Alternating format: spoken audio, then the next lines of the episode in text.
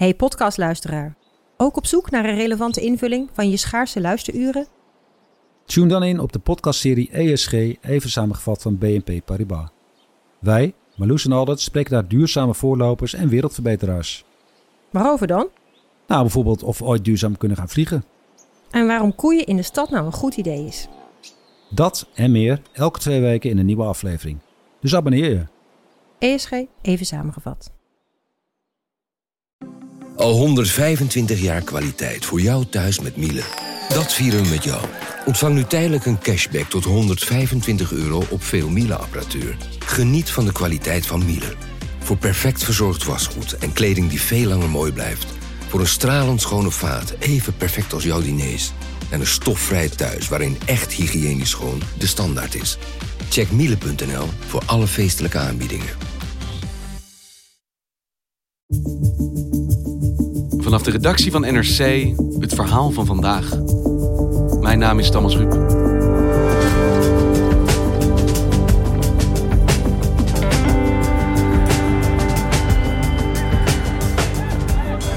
Oerwoudgeluiden vanaf de tribune. Kwetsende leuzen en carrières die spaak lopen. Allemaal vanwege huidskleur. Racisme in het voetbal zit diep. NRC sprak de afgelopen maanden met voetballers, trainers en officials over hun ervaringen. Waarom blijft dit toch zo moeilijk te bestrijden?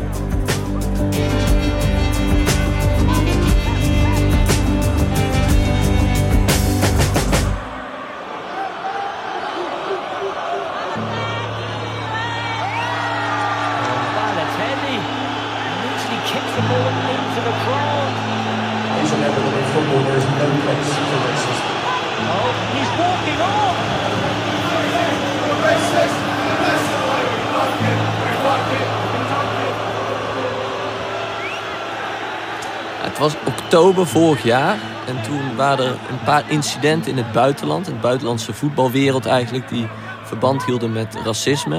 Dat was de wedstrijd Bulgarije-Engeland. We have some football now, and England's Euro 2020 qualifying match against Bulgaria in Sofia was overshadowed by racism from home fans. As a result, the referee stopped play twice in the first half. Waar oerwoudgeluiden werden gemaakt, waar de Hitlergroet werd gebracht door de fans van Bulgarije op de tribune. Verslaggever Bram Enderdijk werkte voor dit verhaal samen met Danielle Pinedo en Enzo van Steenbergen. En toen zei de bondscoach van Engeland na afloop van die wedstrijd zei hij van ja, het was heel heftig voor mijn spelers, maar ook dat ze dat wel vaker meemaakten. Sadly, um, my players, because of their experiences in our own country, are hardened to racism. And I don't know what that says about our society, but that's the reality. So that actually saddens me that when I speak to them about it, they are absolutely hardened to it. Het was eigenlijk niet nieuw. En toen dacht ik samen met Danielle Pinedo en Enzo van Steenbergen van... hey, als dat in Engeland zo is, hoe zit dat dan in Nederland? Hoe sterk zit dat racisme verankerd in de voetbalcultuur in Nederland? En dat was eigenlijk de reden, de, de, vraag waarmee we dit onderzoek zijn begonnen.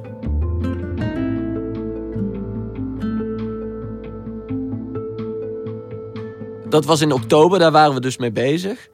En eh, terwijl we onze eerste nou ja, geïnterviewde uh, de vraag hebben gestuurd en een aantal mensen hebben gesproken, gebeurde er wat in Den Bosch in november. En toen stond de hele Nederlandse voetbalwereld op zijn kop. Toen was racisme ineens ja, talk of town, ook in de Nederlandse voetbalwereld. Ja, de scheidsrechter gaat nu naar de zijkant. Wat gebeurde er? Want het heeft alles te maken met de manier waarop hij verbaal bejegend wordt daar door een deel van eh, de aanhang van Den Bosch. Wat er gebeurde is dat bij een wedstrijd van FC Den Bosch, Morera, de aanvaller van Excelsior, te maken kreeg met racistische uitingen vanaf de tribune. De scheidsrechter gaat daar toch iets van zeggen bij uh, de vierde official in eerste instantie. Nou, dan treedt dat hele protocol in werking natuurlijk. Dat raakte hem heel erg. Dat zag je ook op televisie. De woede is uiterst voorspelbaar bij uh, Mendes Morera. In zijn ziel wordt uh, gekrenkt natuurlijk. En dat zorgde ervoor dat het ineens een topic was in Nederland. En zelfs de aanvoerder van het Nederlands elftal, Wijnaldum, er in een persconferentie op reageerde. Dat er een statement kwam van het Nederlands elftal. Ja, ik ben eigenlijk heel erg geschokt. Ik had nooit verwacht dat het in Nederland zou gebeuren. En uh, ja, hoe er daarna mee omgegaan is, vind ik persoonlijk uh, heel kwalijk. En wij zijn eigenlijk dat onderzoek verder gegaan met de vraag van... is dat nou een incident? Of is er in het Nederlands voetbal wat structureels aan de hand? En hoe doen jullie onderzoek hiernaar? Hoe zoek je dat uit? Wat we hebben gedaan is, we hebben ehm, zoveel mogelijk spelers benaderd.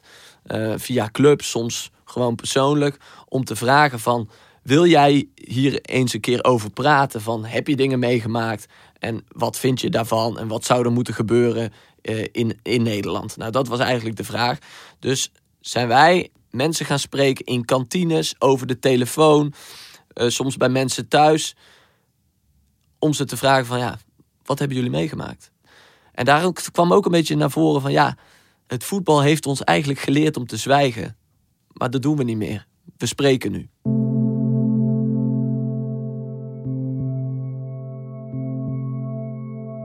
Welke verhalen zijn jullie tegengekomen? Wat vertelden de mensen die met jullie wilden praten? Dat liep uiteen. Alleen wat wel duidelijk was, is dat bijna iedereen die we hebben gesproken wel wat had meegemaakt. En dan moet je aan denken aan Denzel Dumfries, hè, de aanvoerder van PSV, rechtsback van het Nederlands elftal. Die op een gegeven moment een wedstrijd speelt toen hij nog bij Sparta speelde. En eh, de bal gaat, rolt over de zijlijn. Hij wil die bal gaan pakken en hij kijkt in de ogen van een klein jongetje, jaar of acht dacht hij. Er staat een jongetje. eh, Kankeraap, aap, aap. Dat is een kind dat daar roept. Een kind, ja. En daarnaast stond de vader van dat kind. En ik kijk, ik kijk naast hem en ik zie die vader ook. Aap, aap, en aap, bla bla bla. En ik dacht, wow, dit is wel raar. Toen dacht hij van, wat moet ik nou doen? Uiteindelijk heeft hij de bal gepakt, heeft hij ingegooid. En na afloop zeiden zijn medespelers tegen hem van, daar moet je boven staan. Geen melding van maken, doorgaan. En dat is dus ook wat hij heeft gedaan. Hij heeft doorgespeeld. Ja. ja. En wat hoorde je verder? Moet je denken aan Cyril Dessers, hè, de topscorer van Nederland op het moment. Spits van Heracles, die toen hij nog bij NAC speelde, was een corner werd er genomen. Ik sta te wachten voor een hoekschop, dus iedereen loopt naar voren, hoekschop. En eh, ja, dat, eh, dat ik gewoon ja, oerwoudgeluiden, apengeluiden naar mij toe krijg. En ik, ik kijk ik zeg van, is- ja, is dat naar mij? Oh, kankerneger en dat soort dingen. Dan, ik, denk, ik zeg van, huh? En die is naar de scheidsrechter gegaan, die heeft dat gemeld. maar er is verder niks mee gebeurd. Maar ja, toen kwam ik thuis en toen dacht ik ook al van, ja, eigenlijk, huh, wat the fuck is eigenlijk gebeurd vandaag? Dat is toch niet normaal? Een ander voorbeeld is Urbi Emanuelson, hè, international geweest. Heeft voor grote clubs gespeeld, ook in Italië. Speelt nu voor FC Utrecht. En hij vertelt toen ik nog voor Ajax speelde. Toen werd er naar eh, onze speler van ons, Jeffrey Sapong, geroepen... Ik heb geen bananen voor jou. Hè? Dus, eh, dus een, een link naar dat hij, dat hij een aap zou zijn. Eh, ik geloof eh, Sarpong, ik heb geen bananen, ik heb geen bananen voor jou. Ja, dat, dat soort dingen zijn niet leuk om, om te horen natuurlijk. Mhm. Ehm, En iedereen hoorde dat, vertelt Emanuelson. Behalve Sapong, die was helemaal gefocust op zijn spel, dus die heeft het niet gehoord. hij zat zeg maar in, zo gefocust in de wedstrijd of dat hij er niks van, van meekreeg. En er is ook eigenlijk heel weinig over, over gesproken daarna. Wij gingen eigenlijk gewoon door. Dus dat was gebeurd. En we hebben dat eigenlijk een beetje laten gaan.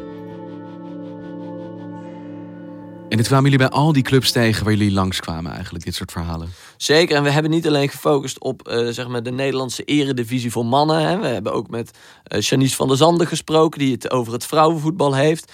Roxanne Hehakaya, die was 20 en die speelde voor zaalvoetbalvereniging Ter Beek in Amsterdam. En die vertelt van ja, op een gegeven moment wordt er zwarte aap naar me geroepen vanaf de tribune. ja, de oerwoudgeluiden kwamen van de tribune af. En ik snapte daar helemaal niks van, omdat je zo Nederlands bent opgevoed. En ja, half Molux. En dan in één keer wordt er zwarte aap tegen je gezegd. En ik kon het me gewoon niet persoonlijk aantrekken, omdat ik echt dacht van, oh, waar heb je het over? Oh, heb je het over mij? En niet alleen dus verdekt in de massa van een groot stadion, maar zelfs dus in een veel kleinere, intiemere setting als zaalvoetbal gebeurt dit. Ja, op het amateurveld gebeurt het ook. Hè. We hebben amateurspelers gesproken die vertellen van dat zelfs de scheidsrechter tegen een jongen zei van eh, niet zo zeuren, jullie lijken net tien kleine negertjes. En dat hij zoiets, ja maar dit, dit is de scheidsrechter, wat, hè, wat is hier aan de hand? Want als je deze voorbeelden opnoemt en je zegt van wij wilden eigenlijk weten, was dit een incident, komt het af en toe voor of is het systematisch? Dan beantwoord je die vraag eigenlijk al. Dit klinkt als een systeem. Als iedereen die jij spreekt het eigenlijk zo'n beetje meemaakt. Zij zeggen het zit diep in de voetbalwereld verankerd. Het probleem is, zeggen de mensen die wij hebben gesproken, de spelers en ook de trainers, dat voetballers opgroeien in een wereld die hen leert: je moet accepteren dat mensen de meest vreselijke dingen over je roepen. Daarnaast is het een wereld waar heel veel geld in omgaat. En ze vertellen ook aan ons: die druk voelen we. En die druk kun je niet ontkennen dat die er is. Want gebeurt het dan ook bijna niet dat op het moment dat er racistische leuzen worden geroepen, liederen worden gezongen, dat de wedstrijd wordt stilgelegd, dat spelers zeggen: ja, als dit naar onze teamgenoot wordt geroepen, dan spelen we niet door. Niet zo. Urbi Emanuelson, oud-speler van eh, verschillende Italiaanse clubs en van Ajax, die geeft een mooi voorbeeld. Die zegt: Ik speelde op een gegeven moment bij AC Milan. Daar werden eh, racistische uitingen gedaan in een vriendschappelijke wedstrijd tegen Pro Patria. Er werden geluiden gemaakt naar, naar Boateng, Kevin Prince Boateng. Ik geloof dat hij het al een aantal keer eh, iets hoorde en hij pakte die bal op en hij schoot hem in het publiek. Waardoor het publiek eigenlijk nog feller ging reageren. En hij liep van het veld af. Uh, op het moment dat hij van het veld af liep, volgden wij als Milan zijn Kevin en zijn van het veld gestapt. Maar hij zei, als ik mezelf de vraag stel, hadden we dat ook gedurfd als dat in de Champions League finale was gebeurd? Dan zegt hij, ik denk het niet.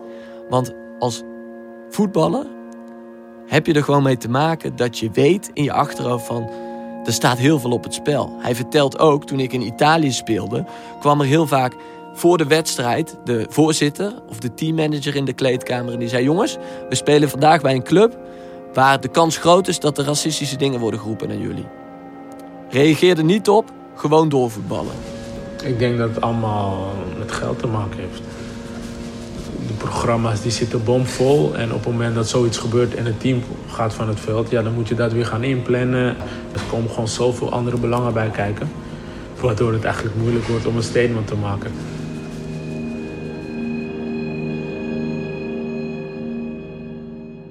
En in die verhalen die jij nu beschrijft, gaat het om supporters die dingen roepen naar het veld. Is dat inderdaad wat je het meeste tegenkomt? Dat dat is waar dat racisme vandaan komt?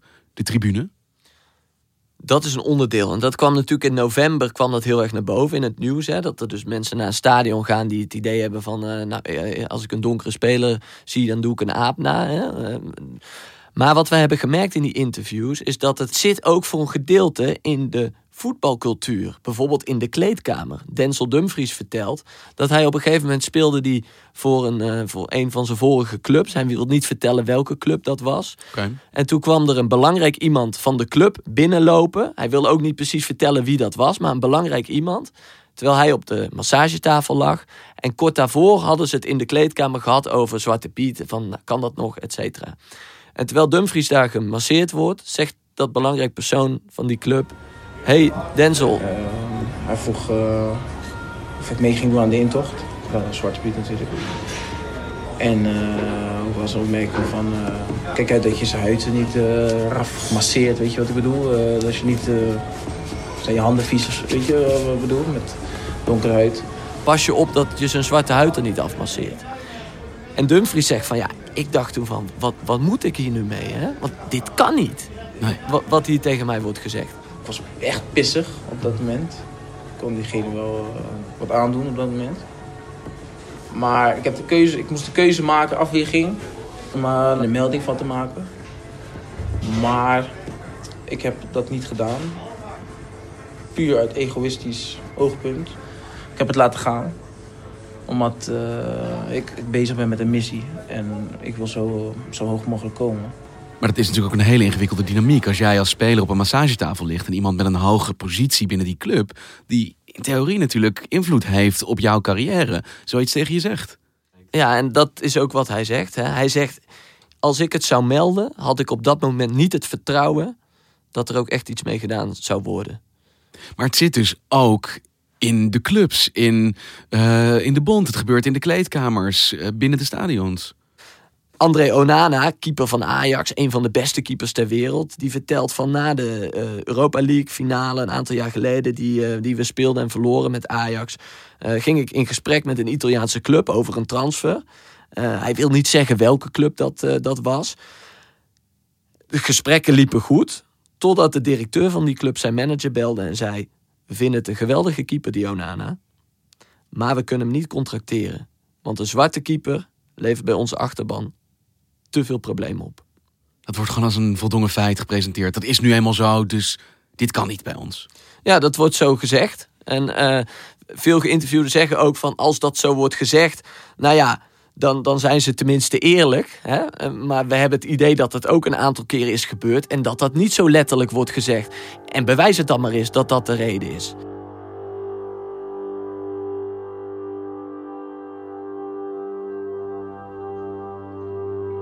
En het is elke speler die jullie spreken, zonder uitzondering, die dit ervaart.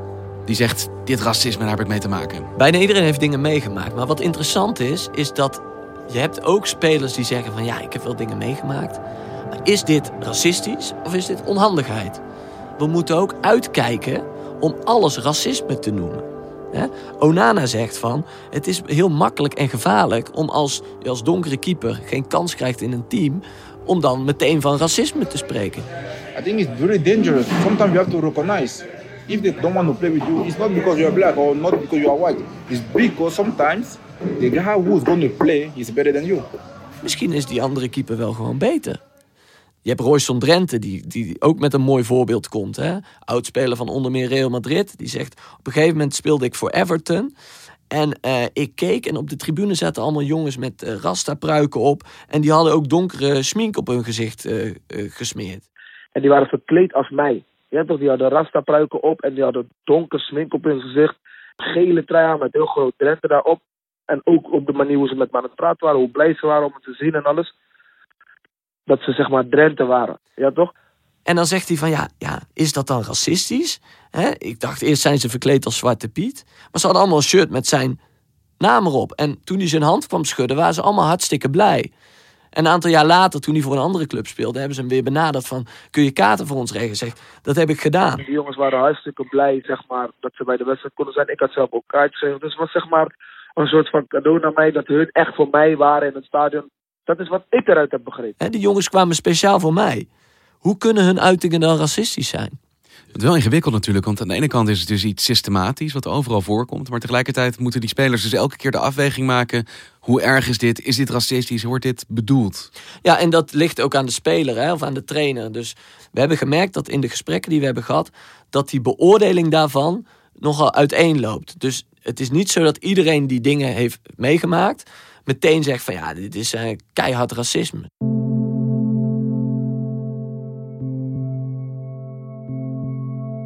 Want jullie komen na journalistiek onderzoek tot een voor mij behoorlijk schokkende conclusie. En dat is namelijk hoe breed en systematisch verbreid dit is door die voetbalwereld. Maar dit moet binnen de muren van clubs, van de bond al veel langer bekend zijn. Want worden er maatregelen genomen hiertegen al? De KNVB heeft naar aanleiding van wat er in de bos is gebeurd, hebben zij gezegd van nou, we gaan een, een, een stappenplan presenteren. De komende drie jaar komt er 14 miljoen euro beschikbaar. In samenwerking met de overheid gebeurt dat. Uh, en dan moet je denken aan meer voorlichting, meer bewustwording, apparatuur die wordt ontwikkeld, hè, een soort van camera's om racistische uitingen te herkennen. Dat bij discriminerende spreekhoren uh, meteen wordt opgeroepen om te stoppen als dat niet gebeurt. De wedstrijd wordt tijdelijk of definitief stilgelegd. Dat de stadionverboden voor discriminatie dat die omhoog gaan. Dat soort maatregelen worden genomen. Um, en de spelers die we hebben gesproken, die vinden ook wel goed dat er wat tegen gebeurt. Tegelijkertijd zeggen de meesten van, als je die cultuur in het voetbal echt wil doorbreken, ja, dan is het wel belangrijk dat de top van het voetbal, dus van de clubs, van de bonden, dat daar mensen in komen die zelf hebben meegemaakt hoe het is om met racisme te maken te krijgen. Als je naar de voetbalwereld kijkt, zie je heel veel verschillende nationaliteiten, verschillende huidskleuren. En als je naar boven kijkt, wordt het steeds uh, weer blanker. En dat kan niet. De top moet ook een weerspiegeling zijn van wat op het veld gebeurt. Dat zou een hele goede stap zijn. Als de top van een wereld die hartstikke divers is, hè, met alle nationaliteiten, kleuren, et cetera, als die top daar ook een afspiegeling van zou zijn. Want aan de ene kant is het probleem natuurlijk van de clubs bij de bond. Het ligt in het voetbal breder. Maar de pijn Degene die ermee moeten lopen, die dit ervaren, ligt bij de individuele spelers. Voor wie het natuurlijk veel moeilijker is om zich daartoe te verhouden, om op te treden, om hier iets aan te doen. Ja. Dus je hebt spelers die zeggen van, nou we moeten misschien niet overal racisme opplakken. Maar je hebt tegelijkertijd heb je ook een hele hoop spelers en trainers die zeggen van, ja, het is bijna niet uit te leggen wat er met je gebeurt op het moment dat je daarmee te maken krijgt. Cyril Dessers, die vertelt van ja, je wordt een soort object bij racisme. Het raakt je zo diep, ja, het is eigenlijk bijna niet omschrijven. Het raakt je echt, echt diep van binnen van, van, van waarom dit. Je kan alles zeggen, maar waarom net dit? Wat heeft dit ermee te maken? En, en, en zeker, wat heeft dit met voetbal te maken? En dat is misschien iets wat lang niet iedereen begrijpt als zij dat zelf niet hebben meegemaakt. Dankjewel, Bram. Graag gedaan, Thomas. Je luistert naar vandaag, een podcast van NRC. Eén verhaal, elke dag.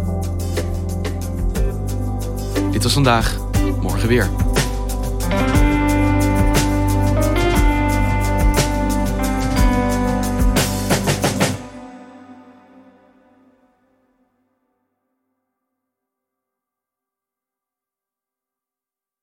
Technologie lijkt tegenwoordig het antwoord op iedere uitdaging. Bij PwC zien we dit anders. Als we de potentie van technologie willen benutten, kunnen we niet zonder een menselijk perspectief. Human-led, tech-powered noemen we dat. Ga naar pwc.nl.